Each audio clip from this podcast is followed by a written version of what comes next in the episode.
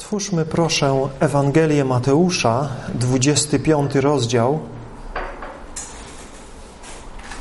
gdzie Pan Jezus opowiada trzecią z kolei przypowieść, wyjaśniającą nam, w jaki sposób mamy oczekiwać Jego przyjścia. Tak jak już zauważyliśmy, rozważając 24 i 25 rozdział, widzimy tutaj pewną ciągłość, pewną całość tego, o czym Pan Jezus mówi, odpowiadając na pytanie uczniów po tym, jak podziwiając świątynię w Jerozolimie, Jezus mówi, że nie zostanie z niej kamień na kamieniu. I uczniowie po tych uwagach Pana Jezusa przychodzą do Niego na osobności na Górze Oliwnej i pytają, kiedy to się stanie. I dodają jeszcze drugie pytanie, jaki będzie znak Twojego przyjścia. I Pan Jezus odpowiada na te dwa pytania. Pierwsze pytanie dotyczące zburzenia świątyni w Jerozolimie, co wiemy wydarzyło się w 70 roku po Chrystusie. I drugie pytanie dotyczące Jego przyjścia. Ewidentnie uczniowie łączyli te dwa wydarzenia.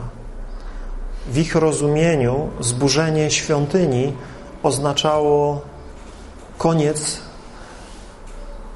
wiary w Boga, czy kultu Boga i jednocześnie koniec świata, powrót Chrystusa. Pan Jezus odpowiada na te dwa pytania i tak jak widzieliśmy, nie jest łatwo rozdzielić w tym 24 rozdziale te fragmenty, które odnoszą się do zburzenia świątyni od tych, które odnoszą się do wydarzeń poprzedzających przyjście Pana Jezusa i ten dzień Jego przyjścia. A więc tutaj Pan Jezus mówi o tych jakby trzech aspektach. I to musimy uważnie śledzić, to na to poświęciliśmy sporo czasu i rozważyliśmy to. Mam nadzieję, że w jakiejś mierze nam to pomogło zobaczyć te trzy rzeczy, o których Pan Jezus tutaj mówi. Odpowiada na dwa pytania, ale Pan Jezus dzieli ten, tą swoją odpowiedź na takie trzy segmenty. Z jednej strony mówi najpierw o tych rzeczach, które będą się działy, o różnych wydarzeniach na tej ziemi. Mówi o trzęsieniach ziemi, o wojnach, o głodzie, zarazach, chorobach. I Pan Jezus mówi, to są rzeczy, które będą się działy do mojego powrotu. I Pan Jezus mówi, że nawet to pokolenie, które wtedy jeszcze żyło, zobaczy te wszystkie rzeczy. I tak się rzeczywiście stało. Historia tego dowodzi, że w tamtych czasach były wojny, były trzęsienia ziemi, był głód, były różnego rodzaju zarazy, więc tamto pokolenie już to wszystko widziało, te wszystkie rzeczy. Pan Jezus mówi, nie przeminie to pokolenie, aż to wszystko się stanie. Pan Jezus nie powiedział, że to wszystko się skończy za tego pokolenia i że Jezus wróci za tego pokolenia. Tego Jezus nie powiedział. Jezus powiedział, że te rzeczy, te znaki się wydarzą za tego pokolenia. Natomiast Pan Jezus mówi też szczegółowo w tym fragmencie, w 24 rozdziale, o zburzeniu świątyni w Jerozolimie. I tam już mówi w kontekście ściśle tego wydarzenia. Mówi o uciekaniu z Jerozolimy, gdy zobaczą y, pewne znaki. I tutaj musimy połączyć ten fragment z Ewangelii Mateusza z szerszą wypowiedzią z Ewangelii Łukasza, gdzie mamy dodatkowe jeszcze szczegóły tego, co Pan Jezus tutaj mówi, i z Ewangelią Marka. W tych trzech Ewangeliach mamy tą, ten sam kontekst, gdy uczniowie pytają o zburzenie świątyni i Pan Jezus tam odpowiada. Jak połączymy razem te trzy fragmenty, to, to bardziej łatwiej nam jest wyłuszczyć te wiersze, które dotyczą zburzenia Jerozolimy. Bo na przykład w Ewangelii Łukasza Pan Jezus mówi o wojskach, które otoczą Jerozolimę. I tak się stało w roku 70 kiedy wojska rzymskie otoczyły Jerozolimę i wtedy Pan Jezus mówi, wtedy uciekajcie. I tak, I tak było, rzeczywiście. Chrześcijanie uciekli z Jerozolimy. Większość chrześcijan opuściła Jerozolimę przed jej zburzeniem. Natomiast Żydzi, którzy nie wierzyli temu, tej prorockiej zapowiedzi Pana Jezusa, zginęli. I kolejna rzecz, o której Pan Jezus mówi, to ów dzień, dzień Jego powrotu. I mówi, o tym dniu nikt nie wie. I tutaj ten, ten jeden dzień Jego powrotu Pan Jezus oddziela od tamtych rzeczy. Tamte rzeczy, mówi, będą się działy i będziecie je widzieli. I Pan Jezus przyrównuje te różne wydarzenia na ziemi do bólów porodowych, co sugeruje, że będą się nasilać, że będą coraz częstsze. I patrząc na historię, widzimy, że to rzeczywiście ma miejsce. Że te rzeczy, o których Pan Jezus mówi, nasilają się. Szczególnie w ostatnim wieku, w XX wieku, widzimy nasilanie się trzęsień ziemi. Widzimy nasilanie się konfliktów między narodami. Widzimy nasilanie się prześladowań chrześcijan. W XX wieku zginęło więcej chrześcijan niż na przestrzeni wszystkich wieków wcześniejszych. A więc tutaj mamy naprawdę nasilenie się prześladowania Kościoła. W wielu krajach nasi bracia i siostry są bardzo prześladowani. Więc na tej podstawie nasilania się tych zjawisk i my dzisiaj, żyjąc w tym pokoleniu, winniśmy być gotowi na przyjście Pańskie. Tak jak mówiłem, to przyjście Pana Jezusa, chociaż nikt nie zna tego dnia ani tej godziny, nie nastąpi bez wypełnienia się pewnych rzeczy. To nie jest tak, że dzisiaj Pan Jezus może przyjść, czy jutro Pan Jezus może przyjść. Pan Jezus może przyjść wkrótce, ale to nie jest tak, że może przyjść w każdej chwili, dosłownie. Dlaczego tak mówię? Zanim może będziemy czytali tutaj tą kolejną jeszcze przypowieść. Mówię o tym, ponieważ dostaję różne maile, różne reakcje na to, o czym mówię i niektórzy jakby zarzucają, że za dużo mówię o tym, że to nie jest takie rychłe, a drudzy mówią, że zbyt, mówię, że to jest zbyt rychłe. Więc i takie, i takie są reakcje na to, co mówię, o dziwo. Więc y, króciutko tylko, nie będę tutaj tego rozwijał, ale tylko przeczytam fragment z listu do Tesaloniczan, gdzie apostoł Paweł mówi o pewnych rzeczach, które muszą się wydarzyć, zanim Pan Jezus przyjdzie. I tak długo, jak one się nie wydarzą, to wiemy, że Pan Jezus nie przyjdzie.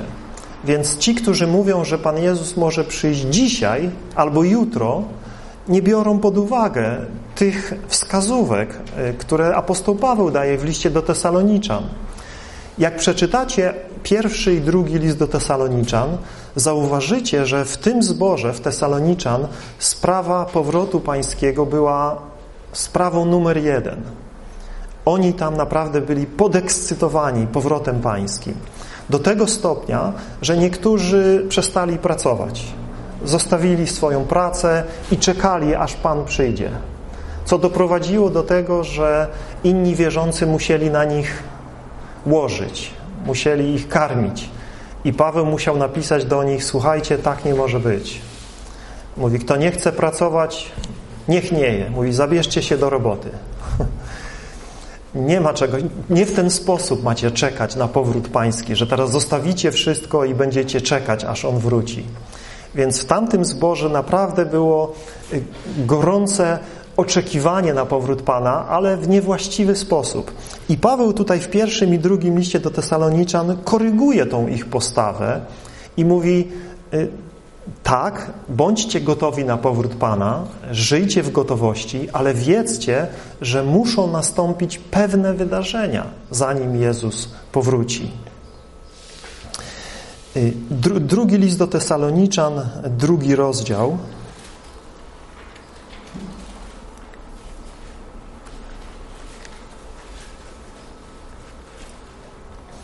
Od pierwszego wiersza czytajmy.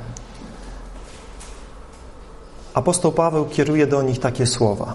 A prosimy was, bracia, co do przyjścia Pana naszego, Jezusa Chrystusa i naszego zgromadzenia się przed Nim, nie dajcie się co do tego tak szybko zachwiać w swoim myśleniu, ani zatrwożyć.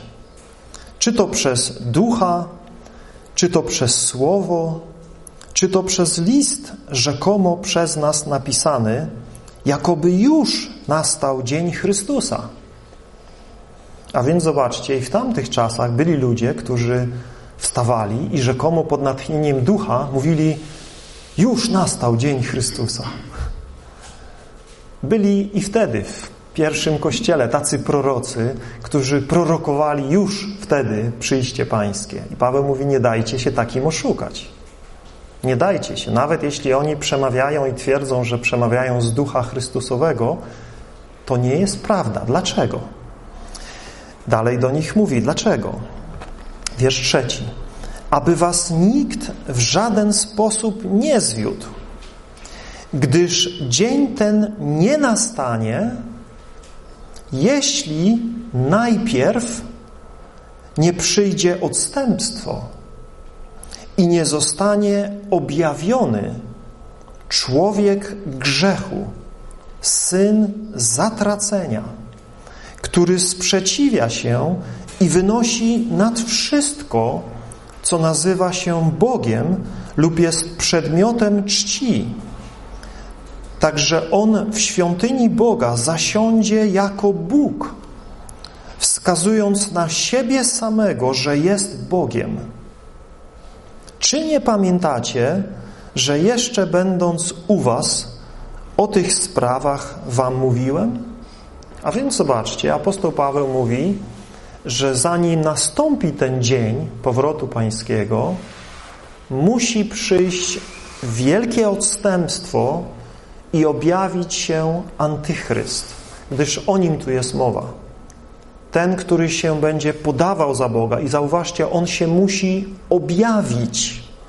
To znaczy, że będziemy wiedzieć o nim. To nie jest tak, że ktoś powie, że tam gdzieś jest antychryst że już antychryst żyje, że już antychryst działa. Oczywiście, duch antychrysta już wtedy działał. Jan o tym pisze w swoim liście. Mówi, że na świat wyszło wielu antychrystów i że duch antychrysta i tajemna moc nieprawości już działa. Ale to nie oznacza, że to jest ten antychryst, który, o którym tu jest mowa, który się będzie podawał za Boga i zasiądzie w świątyni Boga. Cokolwiek to oznacza, czy to będzie w kościele, że Kościół go uzna za swojego Boga, za tego prawdziwego Mesjasza i w świątyni Boga w znaczeniu Kościoła, czy też rzeczywiście, jak niektórzy twierdzą, zostanie odbudowana świątynia w Jerozolimie i tam w tej świątyni on zasiądzie, podając się za Boga. W każdym razie, zobaczcie, Paweł tutaj mówi, że dzień Chrystusa nie przyjdzie wcześniej, zanim to się nie wydarzy. A więc z tego powodu twierdzę, że Pan Jezus nie może przyjść dzisiaj, bo jeszcze się nie objawił ten człowiek. Jeszcze nie widzimy czegoś takiego. Żeby w świątyni Boga zasiadł taki człowiek, podając się za Boga i żeby było wielkie odstępstwo, co dla mnie w moim odczuciu bardziej sugeruje to, że cały ten widzialny Kościół, cały w znaczeniu instytucjonalnego Kościoła. E, większość ludzi, którzy się podają za chrześcijan, uznają tego właśnie człowieka przewrotnego, tego oszusta za Boga i będą go czcili jako Boga. Więc w moim zrozumieniu bardziej to dotyczy świątyni w znaczeniu kościoła niż jakiegoś miejsca na ziemi. Ale tutaj nie jestem dogmatyczny. Zobaczymy, jak to będzie, jeżeli dożyjemy tych czasów. W każdym bądź razie z tego względu to nasze oczekiwanie na Pana ma być oczekiwaniem, ponieważ te rzeczy, kiedy zaczną się dziać, mogą się zacząć dziać bardzo szybko. I jeśli dzisiaj nie jesteśmy gotowi na przyjście Pana, gdy one zaczną się dziać, wtedy się nie zdążymy przygotować. Więc to nie o to chodzi, że a, to się jeszcze nie wydarzyło, to się jeszcze nie wydarzyło. Pan Jezus też mówi, że tuż przed Jego przyjściem będą działy się niezwykłe rzeczy na niebie. Będą niezwykłe zjawiska na ziemi. Księżyc zamieni się w krew, gwiazdy będą spadać z nieba. Różnego rodzaju y, kosmiczne zjawiska będą poprzedzały też bezpośrednio Jego przyjście. Więc to, że jeszcze to się nie wydarzyło, nie oznacza, że mamy dużo czasu i możemy sobie spokojnie żyć i czekać. Nie. Pismo, jak widzimy, Pan Jezus właśnie po to y, mówi o tych rzeczach w Mateusza 24 i 25, wzywając swoich uczniów, żeby trwali w ciągłej gotowości. Tak jak ostatnio mówiliśmy, przyglądając się tej poprzedniej przypowieści o mądrych i głupich pannach, Pan Jezus mówi, że musimy być jak te mądre panny, które mają olej w swoich lampach, których ogień ciągle płonie. Wtedy jesteśmy gotowi. Nie jak te głupie panny, które miały lampy, ale nie miały oleju. I gdy przyszedł oblubieniec, one wtedy zaczęły dopiero szukać oleju. Dopiero wtedy e, chciały, żeby te lampy mogły płonąć i żeby były gotowe, ale to już było za późno. Więc taka postawa, że jeszcze mamy czas, że zdążymy się przygotować, kiedy te rzeczy zaczną się dziać, jest postawą, która jest tutaj skrytykowana przez Pana Jezusa. Pan Jezus wzywa nas do ciągłej czujności, do ciągłej gotowości. I to ma dwojaki wymiar.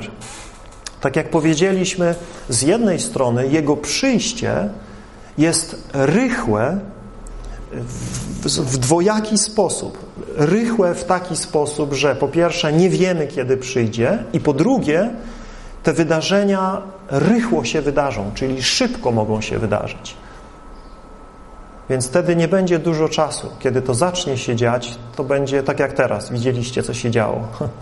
Jednego dnia e, chodzimy, pracujemy, wszystko działa, samoloty latają.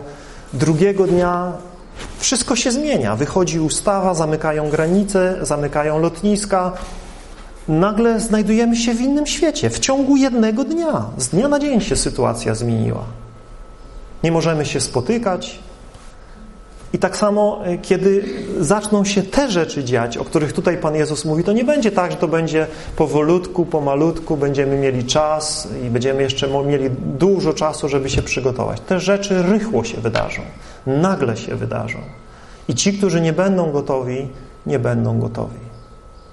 I wtedy za późno kupować olej, wtedy za późno pokutować i szukać Bożej łaski i starać się przygotować serce. Jeśli teraz cały czas marnujesz swój czas, marnujesz swoje życie, inwestujesz swoje y, możliwości, które Bóg Ci dał w rzeczy, które nie służą Królestwu Bożemu, kiedy Jezus przyjdzie, ogarnie Cię strach, ogarnie Cię panika, i to nie będzie żadne szczere nawrócenie. To będzie takie nawrócenie, jakie widzimy w wielu ludziach, którzy stykają się z burzliwymi okolicznościami swojego życia.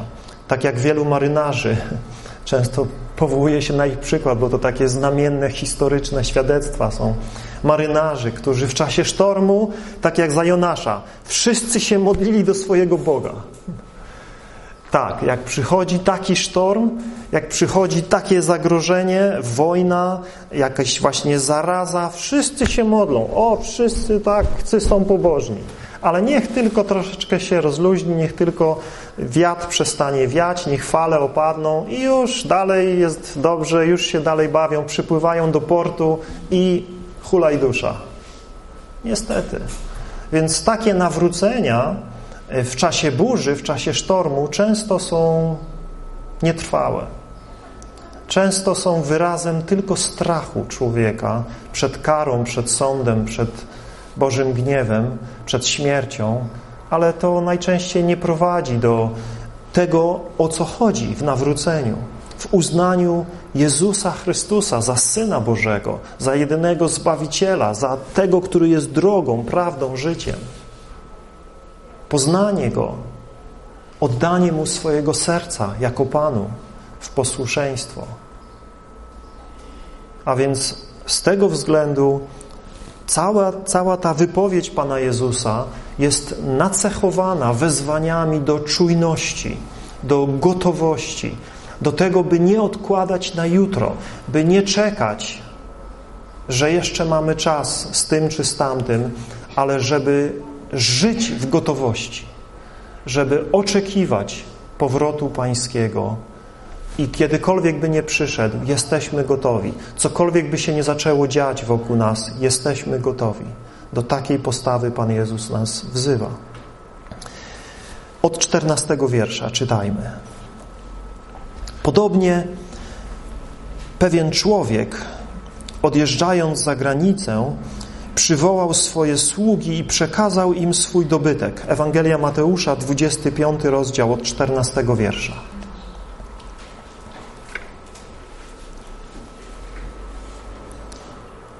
A więc Pan Jezus tutaj pokazuje nam pewnego bogatego człowieka, który wyjeżdża, przywołuje swoje sługi i rozdaje, czy przekazuje im, aby zarządzali jego majątkiem. To jest nadal jego majątek, on im nie dał tego majątku, żeby robili z nim co chcą, ale to jest jego majątek, oni są jego sługami i on im przekazuje swój majątek, żeby tym majątkiem zarządzali, co jest jasne z dalszej części tej przypowieści. I temu wprawdzie dał pięć talentów, a temu dwa, a temu jeden. Każdemu według jego możliwości. Widzimy więc, że nie wszyscy dostają tyle samo, ale każdy otrzymuje tyle, ile ten Pan uznaje, że będzie w stanie tym dobrze zarządzać. Jednemu daje więcej, drugiemu daje mniej, według możliwości. Co pokazuje nam, że Pan Jezus w swoim królestwie nie daje wszystkim tyle samo i nie powołuje wszystkich do tego samego, ale według swojej mądrości, według swojego uznania, według swojego planu jednemu daje więcej, drugiemu daje mniej. Od tego, któremu dał więcej, więcej oczekuje. Od tego, któremu dał mniej, mniej oczekuje, bo wie, że jego możliwości są inne. Więc ten, który ma więcej, nie może myśleć o sobie i nie powinien patrzeć na tego, który ma mniej, że został jakoś uhonorowany i wywyższony i jest jakiś ważniejszy i znaczniejszy, raczej musi się skupić na tym, że jak tak dużo otrzymał, to musi naprawdę mocno pracować, żeby to wszystko, co otrzymał, obracać tym w taki sposób, żeby to przynosiło Jego Panu zyski. Więc na tym się mają skupiać słudzy, nie na porównywaniu się z innymi sługami. Ten, który dostał mniej, mówi, a czemu ja tak mało dostałem? Ja też chcę to, co tamten. Czemu ja nie mam tego daru, czy tamtego, który ten ma? Nie. Skup się na tym, co masz i bądź wierny w tym, co Bóg Tobie powierzył.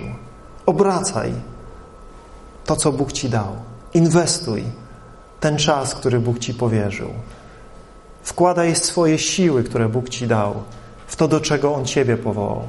Powołał nas do różnych rzeczy, obdarował nas różnymi darami, ale od wszystkich nas oczekuje, że będziemy wierni w tym, co nam dał, że będziemy dobrze obracali tym, co nam powierzył. Nie porównuj się z drugim, nie zazdrość drugiemu. Skup się na tym, do czego Ciebie Pan Jezus powołał i bądź wierny w tym, co On Tobie dał. Gdyż z tego zostaniesz rozliczony. Nie będziesz rozliczony z tego, co Bóg dał drugiemu. Będziesz rozliczony z tego, co Ty dostałeś. I zobaczymy, my pewnie znacie tą przypowieść, to nie, nie, to nie jest to, że pierwszy raz to słyszycie, tak? Zakładam, że wszyscy ją wielokrotnie czytaliście. Dobrze ją znacie, więc nie czytam jej całej, tylko od razu przechodzę do y, wyjaśnienia czy przypomnienia, bo to też chyba są rzeczy, które dobrze rozumiemy, ale przypominamy je sobie, aby w tym trwać, aby, aby tak żyć. Zobaczmy, że ten, a kiedy rozdał im to wszystko, y, wiersz, koniec 15 wiersza mówi, że zaraz odjechał, czyli rozdał swój majątek i wyjechał.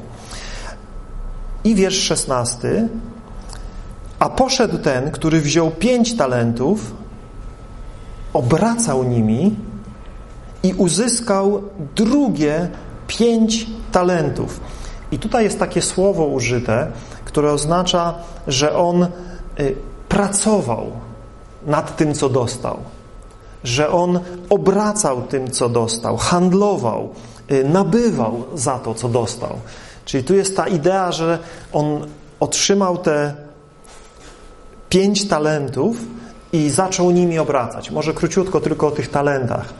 Y, to słowo w naszym języku, podobnie jak w niektórych innych europejskich językach, odnosi się do naszych zdolności, umiejętności, talenty, tak? Mam talent, taki program jest, tam ludzie przyjeżdżają i prezentują swoje talenty, śpiewają, jakieś akrobacje wyprawiają, różne rzeczy robią.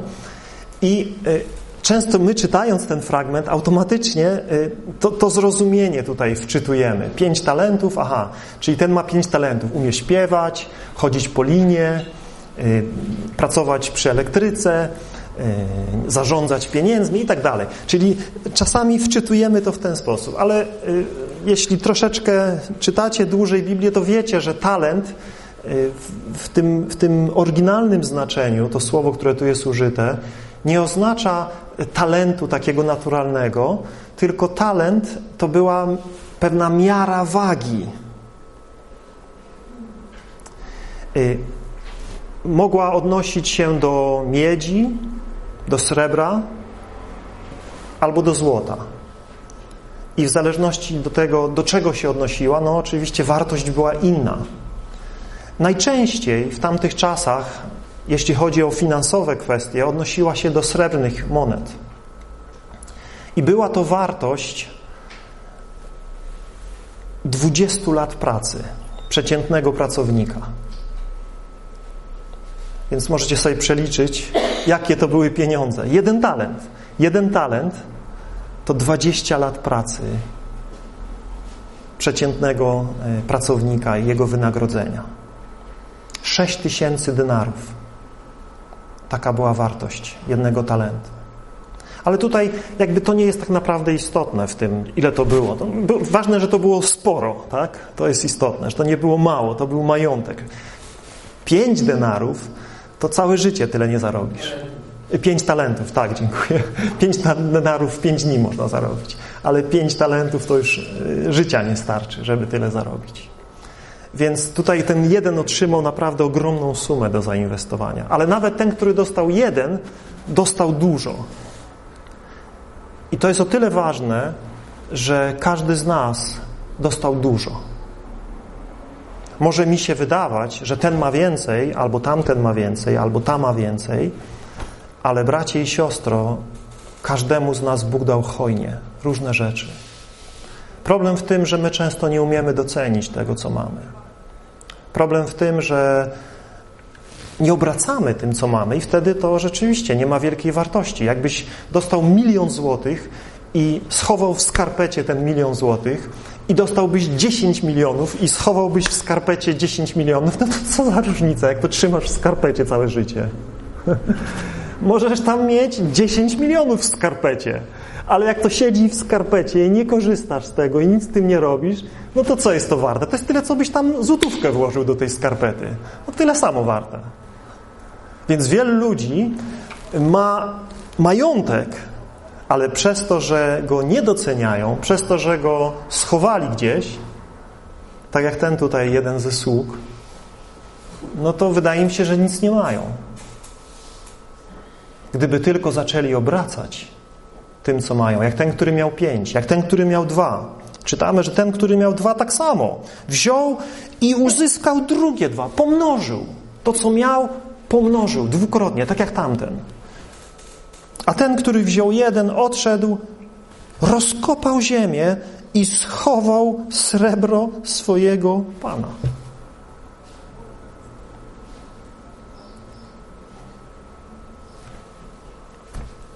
Dalej wyjaśni nam dlaczego, chociaż ja mu nie wierzę. Po długim czasie, zauważcie, po raz kolejny, mamy jakiś długi czas. Nie wiem, czy zauważyliście, że w tych wszystkich przypowieściach o wiernym i niewiernym słudze, o dziesięciu pannach i o tym, o tych talentach, mamy jakiś dłuższy czas, w którym Pan nie przychodzi. Także panny zasnęły, czekając na Niego. Także jeden z tych sług, widząc, że Pan nie wraca, z 24 rozdziału, pamiętacie, zaczyna bić w swoje współsługi, łajdaczyć się, marnować majątek swojego Pana. I tutaj też, po długim czasie. Więc Pan Jezus nie mówi, że do Jego powrotu jest dużo czasu, ale w tych przypowieściach sugeruje, że to nie będzie tak od razu, że jutro wróci, że pojutrze wróci, że zaraz odejdzie i za parę dni już wróci. W tych przypowieściach jest pewna sugestia, że to troszkę czasu potrwa. Po długim czasie przyszedł Pan owych sług i rozlicza się z nimi z rachunków. Czyli widzimy, że to nie było tak właśnie, że dał im, żeby sobie robili co chcą z tymi talentami, tak jak Bóg nam nie dał, bracia, siostry. Żebyśmy sobie robili co chcemy i żebyśmy je wykorzystali jak nam się podoba i kiedy nam się podoba i kiedy nam jest po drodze i kiedy nam jest wygodnie i kiedy nam się chce i kiedy nam się nie chce. Nie. Bóg dał nam różne talenty. Każdemu z nas dał obficie. Bóg jest hojnym Bogiem. Ale dał nam żebyśmy tym rozporządzali w taki sposób, żeby odnieść maksymalne zyski dla Jego chwały. I przyjdzie dzień naszego rozliczenia. Czytamy, że my wszyscy, apostoł Paweł mówi, my wszyscy musimy stanąć przed sędziowskim tronem Chrystusa. I każdy z nas zda sprawę za swoje uczynki. Każdy z nas zda sprawę ze swojego szafarstwa, czyli z tego, co nam powierzono.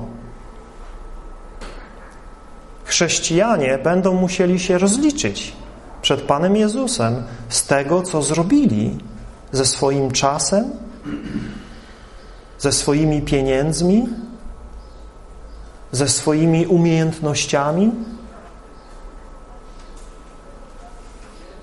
będziemy musieli z tego zdać sprawę.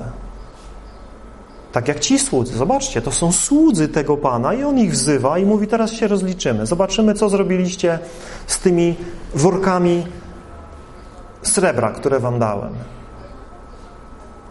No to chodźcie, pokażcie, co żeście zyskali, co żeście zrobili, jak żeście pracowali.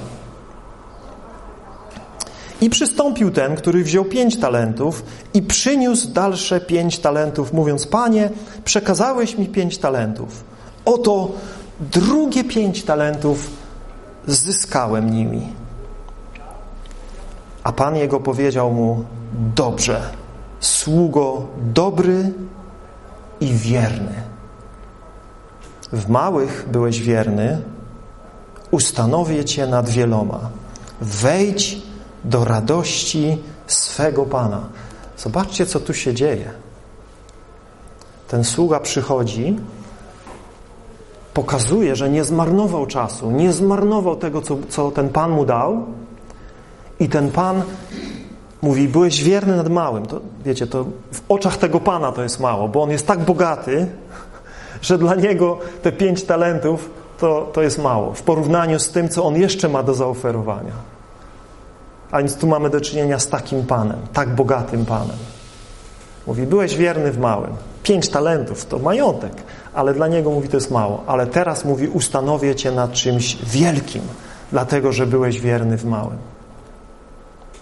To jest pewna zasada, która wie, że już się ziszcza teraz tutaj na ziemi, ale to, o czym tutaj Pan Jezus mówi, ewidentnie ma kontekst końca czasów.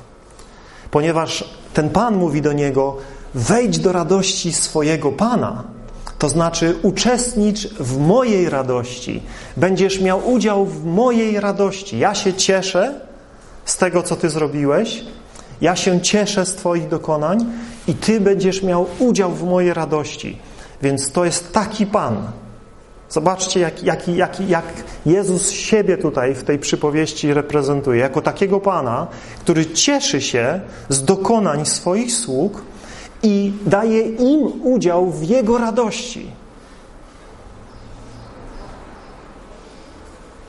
I mówi o wielkich rzeczach, nad którymi ustanowi tych, którzy są wierni. Czyli tak jak mówię, w tym aspekcie doczesnym, jeśli my dzisiaj jesteśmy wierni w małych rzeczach, już za tego życia doświadczamy tego, o czym tu Pan Jezus mówi. Pan Jezus stawia nad, nas, nad większymi rzeczami, powierza nam więcej. Najpierw nas sprawdza w małych rzeczach. To nie jest tak, że Bóg od razu daje nam wszystko na początku. Że od razu czyni cię bogatym we wszystkie dary, możliwe, masz możliwości robienia wszystkiego, co robił Jezus. Niektórzy tak to dzisiaj przedstawiają. Mówią młodym, nawróconym ludziom, żeby szli, uzdrawiali chorych, wypędzali demony, wskrzeszali zmartwych. Nawróciłeś się, masz w Jezusie Chrystusie dostęp do wszystkiego, całej mocy. Nie widzę tego w Słowie Bożym żeby coś takiego było dostępne od razu na samym początku dla każdego wierzącego. Raczej widzę Pana, który powołuje swoich uczniów, trzy lata poświęca im czasu, szkoli ich, koryguje ich błędy, pomaga im y, zrozumieć, na czym polega Królestwo Boże i dopiero po trzech latach napełnia ich swoim świętym duchem i w mocy ducha ich posyła. I nie widzę w dziejach apostolskich, żeby wszyscy, którzy zostali napełnieni duchem świętym w dzień pięćdziesiątnicy, a było tam tysiące ludzi, czytamy, którzy zostali napełnieni Duchem Świętym i przyłączeni do Kościoła, żeby oni zaraz czynili to, co uczniowie. Nie czytamy o tych uczniach, żeby oni uzdrawiali chorych, żeby oni wypędzali demony, żeby oni te rzeczy czynili. Nie widzimy tego. To nie znaczy, że z czasem niektórzy z nich nie dorośli do takiego miejsca. Później czytamy o siedmiu diakonach pełnych Ducha Świętego i widzimy, że Duch cudownie działa w życiu tych ludzi też. Natomiast jeśli my dzisiaj jesteśmy wierni w tym, do czego Bóg nas powołał, możemy spodziewać się, że Pan podniesie nas i będzie nas bardziej używał, że będzie bardziej się objawiał w naszym życiu. Natomiast jeśli nie jesteśmy wierni w tym małym, jeśli codziennie nie czytamy Słowa Bożego, jeśli codziennie się nie modlimy, jeśli codziennie nie dbamy o swoją rodzinę, jeśli nie pracujemy w naszych miejscach pracy, jak powinniśmy pracować jako słudzy Chrystusa, nie jako dla ludzi, ale jako dla Pana, to, to co my się możemy spodziewać, że Bóg nas będzie bardziej używał i będzie bardziej działał w naszym życiu? Jeśli nie jesteśmy wierni w takich podstawowych rzeczach, których się oczekuje od ludzi tego świata, żeby byli wierni. Jeśli my jako chrześcijanie nie wyróżniamy się, jeśli my jako chrześcijanie nie jesteśmy tymi, którzy świecą jasno, światłością w naszej pracy, w naszych domach, wśród naszych sąsiadów, wśród ludzi wokół, to jakże możemy spodziewać się, że Pan ustawi nas nad czymś wielkim pewnego dnia? Więc tutaj wierzę, że ta zasada jest zasadą, która już się ziszcza w jakiejś mierze, ale oczywiście ostatecznie przy przyjściu pańskim Pan Jezus ma zaplanowane dla tych, którzy wiernie Mu służą, wielkie rzeczy w Jego wiecznym królestwie. To nie jest tak, że jak przejdziemy na drugą stronę, jak już Pan Jezus powróci i ustanowi swoje królestwo, to będziemy siedzieć na chmurce i brzdąkać na harfie całą wieczność. Bóg nas nie do czegoś takiego uczynił. Bóg uczynił człowieka od samego początku do życia i czynienia i pracowania ku satysfakcji Boga i satysfakcji człowieka ku radości Boga i radości człowieka. Widzimy, że kiedy Bóg uczynił Adama i Ewę, to nie, nie posadził go na chmurce, żeby grał na harfie cały dzień. Tylko uczynił go na ziemi, w pięknym ogrodzie. Dał mu zajęcie, którym Adam się cieszył, którym czuł się spełniony i wielbił Boga w ten sposób. Więc nie spodziewam się, że w wiecznym królestwie będziemy siedzieć na chmurkach i grać na harfie. Ale spodziewam się, że skoro Bóg uczyni nowe niebiosa i nową ziemię, tam na tej nowej ziemi będzie co robić. I tam, bracia i siostry, nie będzie już mozołu, tak jak tutaj jest na ziemi często. Ja ostatnio miałem taki mozuł, wylewałem beton Cała moja rodzina miała mozu. Przez moje wylewanie betonu na podwórku. Przez dwa tygodnie się mozoliłem i czasami miałem dosyć i żałowałem, że się za to wziąłem. Ale tam będzie tylko radość w pracy dla Boga. Tam czegokolwiek się weźmiesz, do czegokolwiek rękę przyłożysz, to ci będzie szło. A wiecie, jak to jest dobrze, jak tam coś idzie, nie? Jak ciasto, siostry, zrobicie. Piękne ciasto, wszyscy przyjdą, o, jakie ciasto. I, I się cieszymy, że, że coś zrobiliśmy. W końcu jak skończyłem ten beton, też się trochę ucieszyłem, chociaż jeszcze dużo tam brakuje.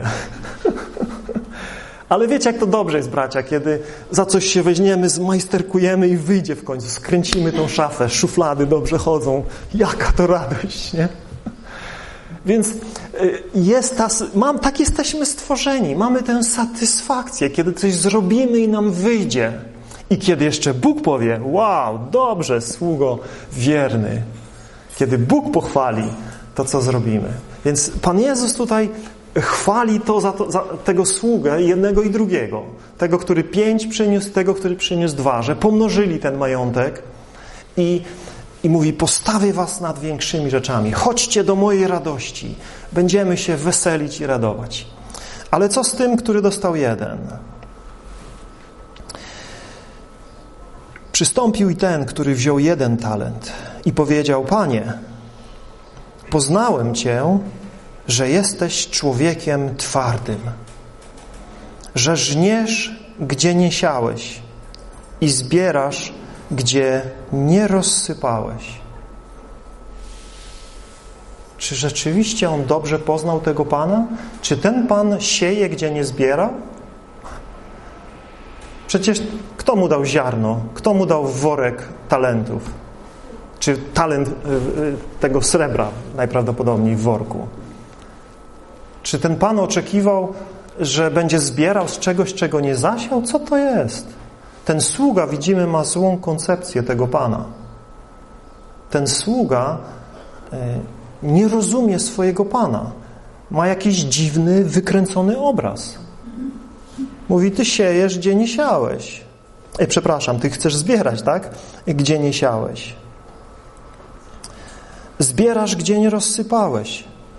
Bojąc się więc, odszedłem i ukryłem swój talent w ziemi. Zobaczcie, jak, jakie, jaki brak logiki. Jeżeli uważał, że ten Pan jest twardy i faktycznie zbiera, gdzie nie zasiał nawet, to o ileż bardziej chce zbierać tam, gdzie zasiał to, to jaka w tym logika, że on ukrył jego talent i nie ma z tego żadnego zysku? Dla mnie to brzmi jak głupia wymówka leniwego człowieka. W Księdze Przypowieści czytamy, leniwy mówi, lew jest na ulicy. To jest, to jest gadanie głupiego, leniwego człowieka. Mówisz mu, idź do sklepu, lew jest na ulicy. Lew jest na ulicy, nie idę. Leniwy.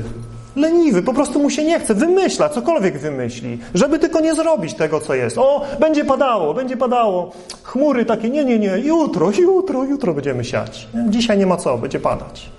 Zawsze znajdzie sobie wymówkę. Leniwy, jak nie taką, to inną sobie wymówkę znajdzie.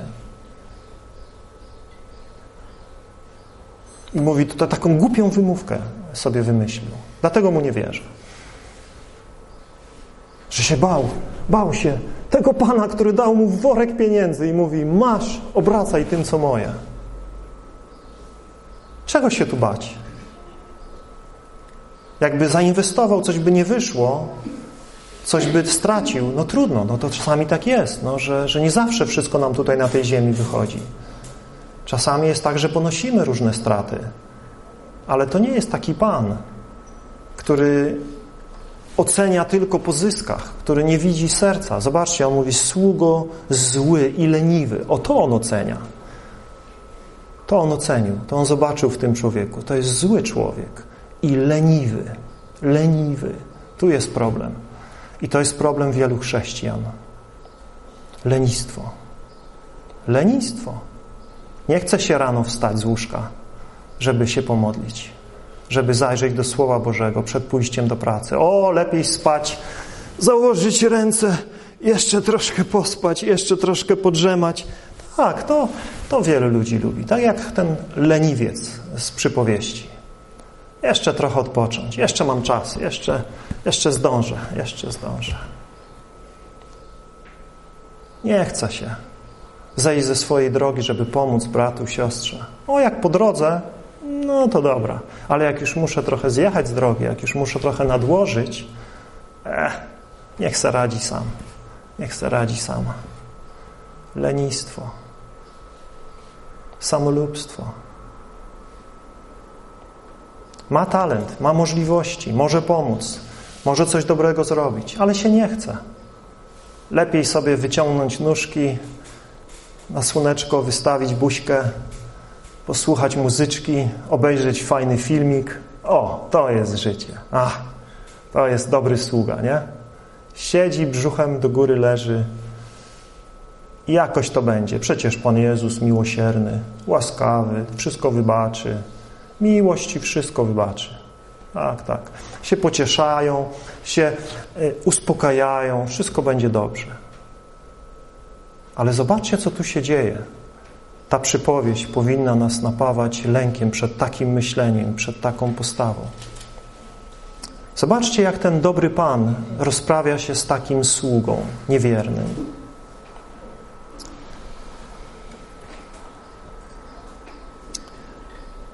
W odpowiedzi Pan jego odrzekł mu sługo zły i leniwy, gnuśny, Wiedziałeś, że żnę, gdzie nie siałem i zbieram, gdzie nie rozsypywałem? Trzeba było więc złożyć moje srebro u bankierów, a ja po przyjściu odebrałbym to, co jest moje z zyskiem. Dlatego zabierzcie od niego ten talent i dajcie temu, który ma dziesięć talentów.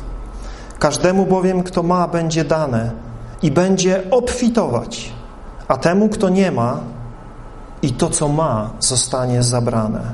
A tego bezużytecznego sługę wyrzućcie w ciemności zewnętrzne. Tam będzie płacz i zgrzytanie zębów. Słyszycie te słowa? Zobaczcie, jak Jezus obchodzi się z tymi dwoma sługami, z tymi dobrymi, wiernymi sługami stawia ich nad wielkimi rzeczami, zaprasza ich do swojej radości. Ale ze sługą nieużytecznym, ze sługą leniwym obchodzi się bardzo surowo. I mam nadzieję, że widzicie to w tych trzech przypowieściach. Kiedy głupie panny przychodzą i pukają do drzwi po czasie, czytamy drzwi były zamknięte i oblubieniec z wewnątrz mówi do nich, nie znam was, idźcie precz. Przecież to jego panny, przecież to te dziesięć, te pięć też czekało na niego, one też wierzyły w jego przyjście, one też no, chciały być na tej uczcie. Ale do nich ten, ten oblubieniec mówi, idźcie precz, nie znam was. z 24 rozdziału o tym złym słudze czytamy, że gdy jego Pan przyjdzie w owym dniu, wiersz 50 i 51, zobaczcie, co się z nim stanie. Czytamy, potnie go na kawałki, wiersz 51. Wyznaczy mu dział równy z obłudnikami, czyli gdzie? Tam, gdzie będzie płacz i zgrzytanie zębów. Czyli gdzie to jest? Gdzie jest płacz i zgrzytanie zębów? To wyrażenie siedmiokrotnie pojawia się w Ewangeliach. To jest miejsce, do którego nikt z nas nie chce trafić. To jest miejsce dla bezbożnych, to jest miejsce dla szatana i jego aniołów. To jest miejsce dla obłudników, dla tych, którzy twierdzą, że wierzą, dla tych, którzy mienią się chrześcijanami, dla tych, którzy wyznają swoją przynależność do Chrystusa i Kościoła ale są niewiernymi sługami. Są obłudnikami w oczach Boga. To jest kłamstwo. Na ludziach mogą zrobić wrażenie, na ludziach mogą wydawać się być prawdziwymi pannami, które czekają na oblubieńca, prawdziwymi sługami, ale na Bogu nie zrobią żadnego wrażenia. Kiedy On przyjdzie, rozliczy każdego z nas Nie na podstawie naszych tylko słów, nie na podstawie tego, co mówimy, ale na podstawie tego, jak żyliśmy i co mamy do zaoferowania. Czy nasza wiara, którą wyznawaliśmy, była aktywną wiarą, była czynną wiarą w miłości? Czy była tylko wiarą na naszych ustach? Czy była tylko wiarą wyznaną gdzieś tam publicznie w jakimś, w jakimś wydarzeniu, na jakiejś ewangelizacji? Tu jest, bracia i siostry, ważna rzecz, której Nowy Testament nas konsekwentnie uczy. Zbawienie jest darem łaski Bożej przez wiarę. Ale ci, którzy są zbawieni, manifestują tą wiarę w swoim sprawiedliwym życiu, w swoim sprawiedliwym postępowaniu. Ci wszyscy, którzy mówią, że wierzą, ale nie wydają owocu w postaci dobrych uczynków, kłamią. Taki jest Boży wyrok. Czy nam się to podoba, czy nie? Dzisiaj wiele słyszymy na temat zbawienia z wiary i wielu sprowadza to do mentalnego zgodzenia się z pewnymi biblijnymi prawami. Wielu sprowadza to do wyznania ust i mówią: Jesteś zbawiony, bracie, witaj w rodzinie Bożej, chwała Bogu, już masz bilet do nieba. I niektórzy nawet mówią: choćbyś żył jak dzika świnia, to i tak będziesz zbawiony, bo raz zbawiony, na zawsze zbawiony. Niektórzy w ten sposób to rozumieją, co jest totalnym absurdem i zaprzeczeniem prawdzie Bożej. Nie, Biblia mówi, że jeśli jesteś zbawiony z wiary, to Twoje uczynki o tym świadczą. To Twoje uczynki dowodzą tego. A jeśli Twoje uczynki przeczą Twojej wierze, to musisz się opamiętać, to musisz się na nowo narodzić. To musisz przyjść i powiedzieć: Boże, ratuj mnie z moich grzechów, z moich nieprawości, z mojego zła. Jestem sługą niewiernym. Chcę być wiernym sługą. Chcę Ci służyć całym moim życiem. I tylko tu jest zbawienie, kiedy Jezus panuje w naszym życiu. Jezus nie będzie Twoim Zbawicielem, jeśli nie jest Twoim Panem. Jeśli Ty panujesz w swoim życiu, jeśli robisz, co Tobie się podoba, chodzisz swoimi drogami, to Twoje zbawienie jest fikcją. Choćbyś Go zapraszał do swojego serca sto razy, Możesz sobie Go zapraszać do swojego serca jako Twojego osobistego Zbawiciela. On Ciebie nigdy nie zbawi, jeśli w Tobie najpierw nie zapanuje. Zbawienie opiera się na wyznaniu Jezusa Panem, nie Zbawicielem, Panem. Jeśli wyznasz, że Jezus jest Panem, będziesz zbawiony. I to musi być prawdziwe wyznanie. To nie wystarczy, że otworzysz swe usta i wypowiesz te słowa. Wielu ludzi na ulicy to zrobi. Możecie ich za, za, zatrzymać, zapytać, czy Jezus jest ich Panem. Tak, wyznają, że Jezus jest ich Panem. Ale to nic nie znaczy. Niedawno z taką dziewczyną siedziałem na ławce, półpijaną. Podeszła do mnie swoim kumplem i tak zaczęliśmy rozmawiać. Okazała się, że gdzieś tam była w jakimś zborze, gdzieś tam w Gdyni. I tak, zaczęła płakać. Jezus jest moim Panem, halleluja. Po prostu jakaś żenada. Tak, ludzie wyznają, że Jezus jest ich Panem. Śpiewają o tym piosenki. Ale to nie piosenki, to nie słowa. To nie deklaracje, to życie. Moje i Twoje życie, bracie i siostro, codzienne. Tu jest dowód na to, kto jest naszym Panem. I czy jesteśmy dobrymi, wiernymi sługami, czy jesteśmy obłudnikami. I pewnego dnia będzie wielkie rozczarowanie Przyjdzie ten wielki dzień, kiedy staniemy przed Jezusem i czytamy, że wielu w tym dniu przyjdzie i co powiedzą? Panie, Panie. Tak, powiedzą Panie, Panie. I nawet powołają się na pewne cudowne rzeczy, które robili. A Jezus spojrzy na nich i powie: Nie znam Was. Nigdy Was nie znałem. Idźcie precz ode mnie, Wy, którzy czynicie nieprawość. Jeśli nie postępujesz zgodnie z prawem Jezusa Chrystusa, z Jego nauką, z Jego wszystkimi przykazaniami, pewnego dnia usłyszysz te straszne słowa. I Twoje powiedzenie, Panie, Panie, nie wystarczy. Nie wystarczy. Pan Jezus powie, tak co, co dalej będziemy czytali w kolejnej przypowieści. A co zrobiłeś, gdy widziałeś y, głodnego? A co zrobiłeś, gdy widziałeś bezdomnego? A co zrobiłeś, gdy widziałeś tego, który nie miał się w co przyodziać? Dzisiaj na ziemi jest ponad miliard ludzi, którzy codziennie są głodni. Dzień w dzień nie mają co jeść. Czy nas to obchodzi? My mamy co jeść. Każdy z nas ma co jeść. Każdy z nas ma się w co ubrać. A wiecie, ilu ludzi nie ma się w co ubrać? Chodzą w szmatach, naprawdę w strasznych szmatach, nie mają na nogi nic założyć, nie mają nawet sandałów żadnych, nic. Robią sobie buty z dętek, z opon no, samochodowych, z różnych rzeczy. Czy nas to obchodzi? Czy to jest gdzieś tam inny świat? Nas to nie obchodzi, to nas nie dotyczy. My mamy bardzo dużo, bracia, siostry.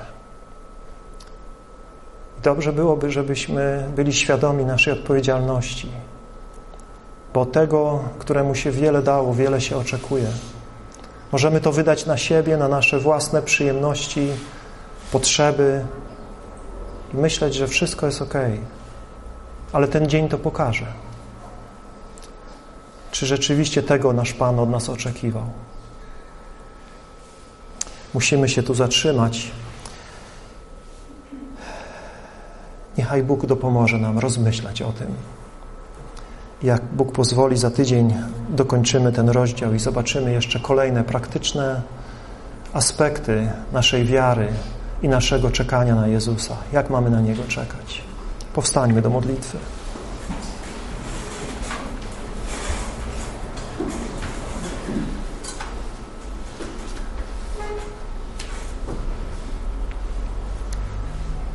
Kochany Panie, tak wiele nam dałeś.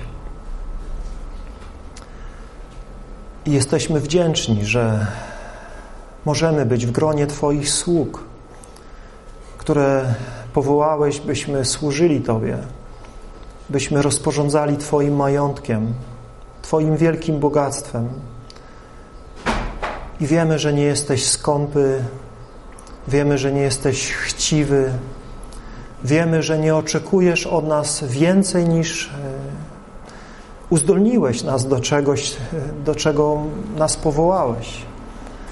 Dałeś każdemu z nas według naszych możliwości, jednemu więcej, drugiemu mniej. I oczekujesz, że będziemy dobrymi szafarzami Twojego rozlicznego dobra i Twojej rozlicznej łaski. Panie, dopomóż każdemu z nas rozumieć, jak wiele otrzymaliśmy. Rozumieć, jak wielka jest nasza odpowiedzialność w świetle tego, co nam dałeś. Rozumieć, że to, co mamy, nie należy tak naprawdę do nas, jeśli Ty panujesz nad nami, ale wszystko jest Twoje. I powinniśmy się Ciebie pytać, co mamy z tym robić, jak mamy tym zarządzać. Dopomóż nam, kochany Panie, być dobrymi szafarzami, Twoich rozlicznych dóbr i wielbić Ciebie i służyć Tobie i nie być leniwi, nie dogadzać swemu ciału, ale inwestować w życie duchowe, inwestować w Twoje królestwo, widzieć w tych głodnych, w tych biednych, w potrzebujących Ciebie wiedząc, że cokolwiek im uczynimy, najmniejszemu nawet z nich, uczynimy Tobie. Pomóż nam, Panie. Prosimy, pomóż nam w tym czasie wielkiego egoizmu, wielkiego samolubstwa, materializmu, ludzkiej chciwości i pazerności. Pomóż nam, Panie, być dobrymi szafarzami Twojej rozlicznej łaski w naszym życiu. Twoich dobrych darów. Aby ten dzień, kiedy przyjdziesz, nie był dniem płaczu i zgrzytania zębów dla nas, ale był dniem wejścia do Twojej radości. Prosimy, działaj w naszych sercach. Nie pozwól nam błądzić, nie pozwól nam oszukiwać samych siebie. Prosimy o Twoje łaskawe działanie w każdym z nas. Amen.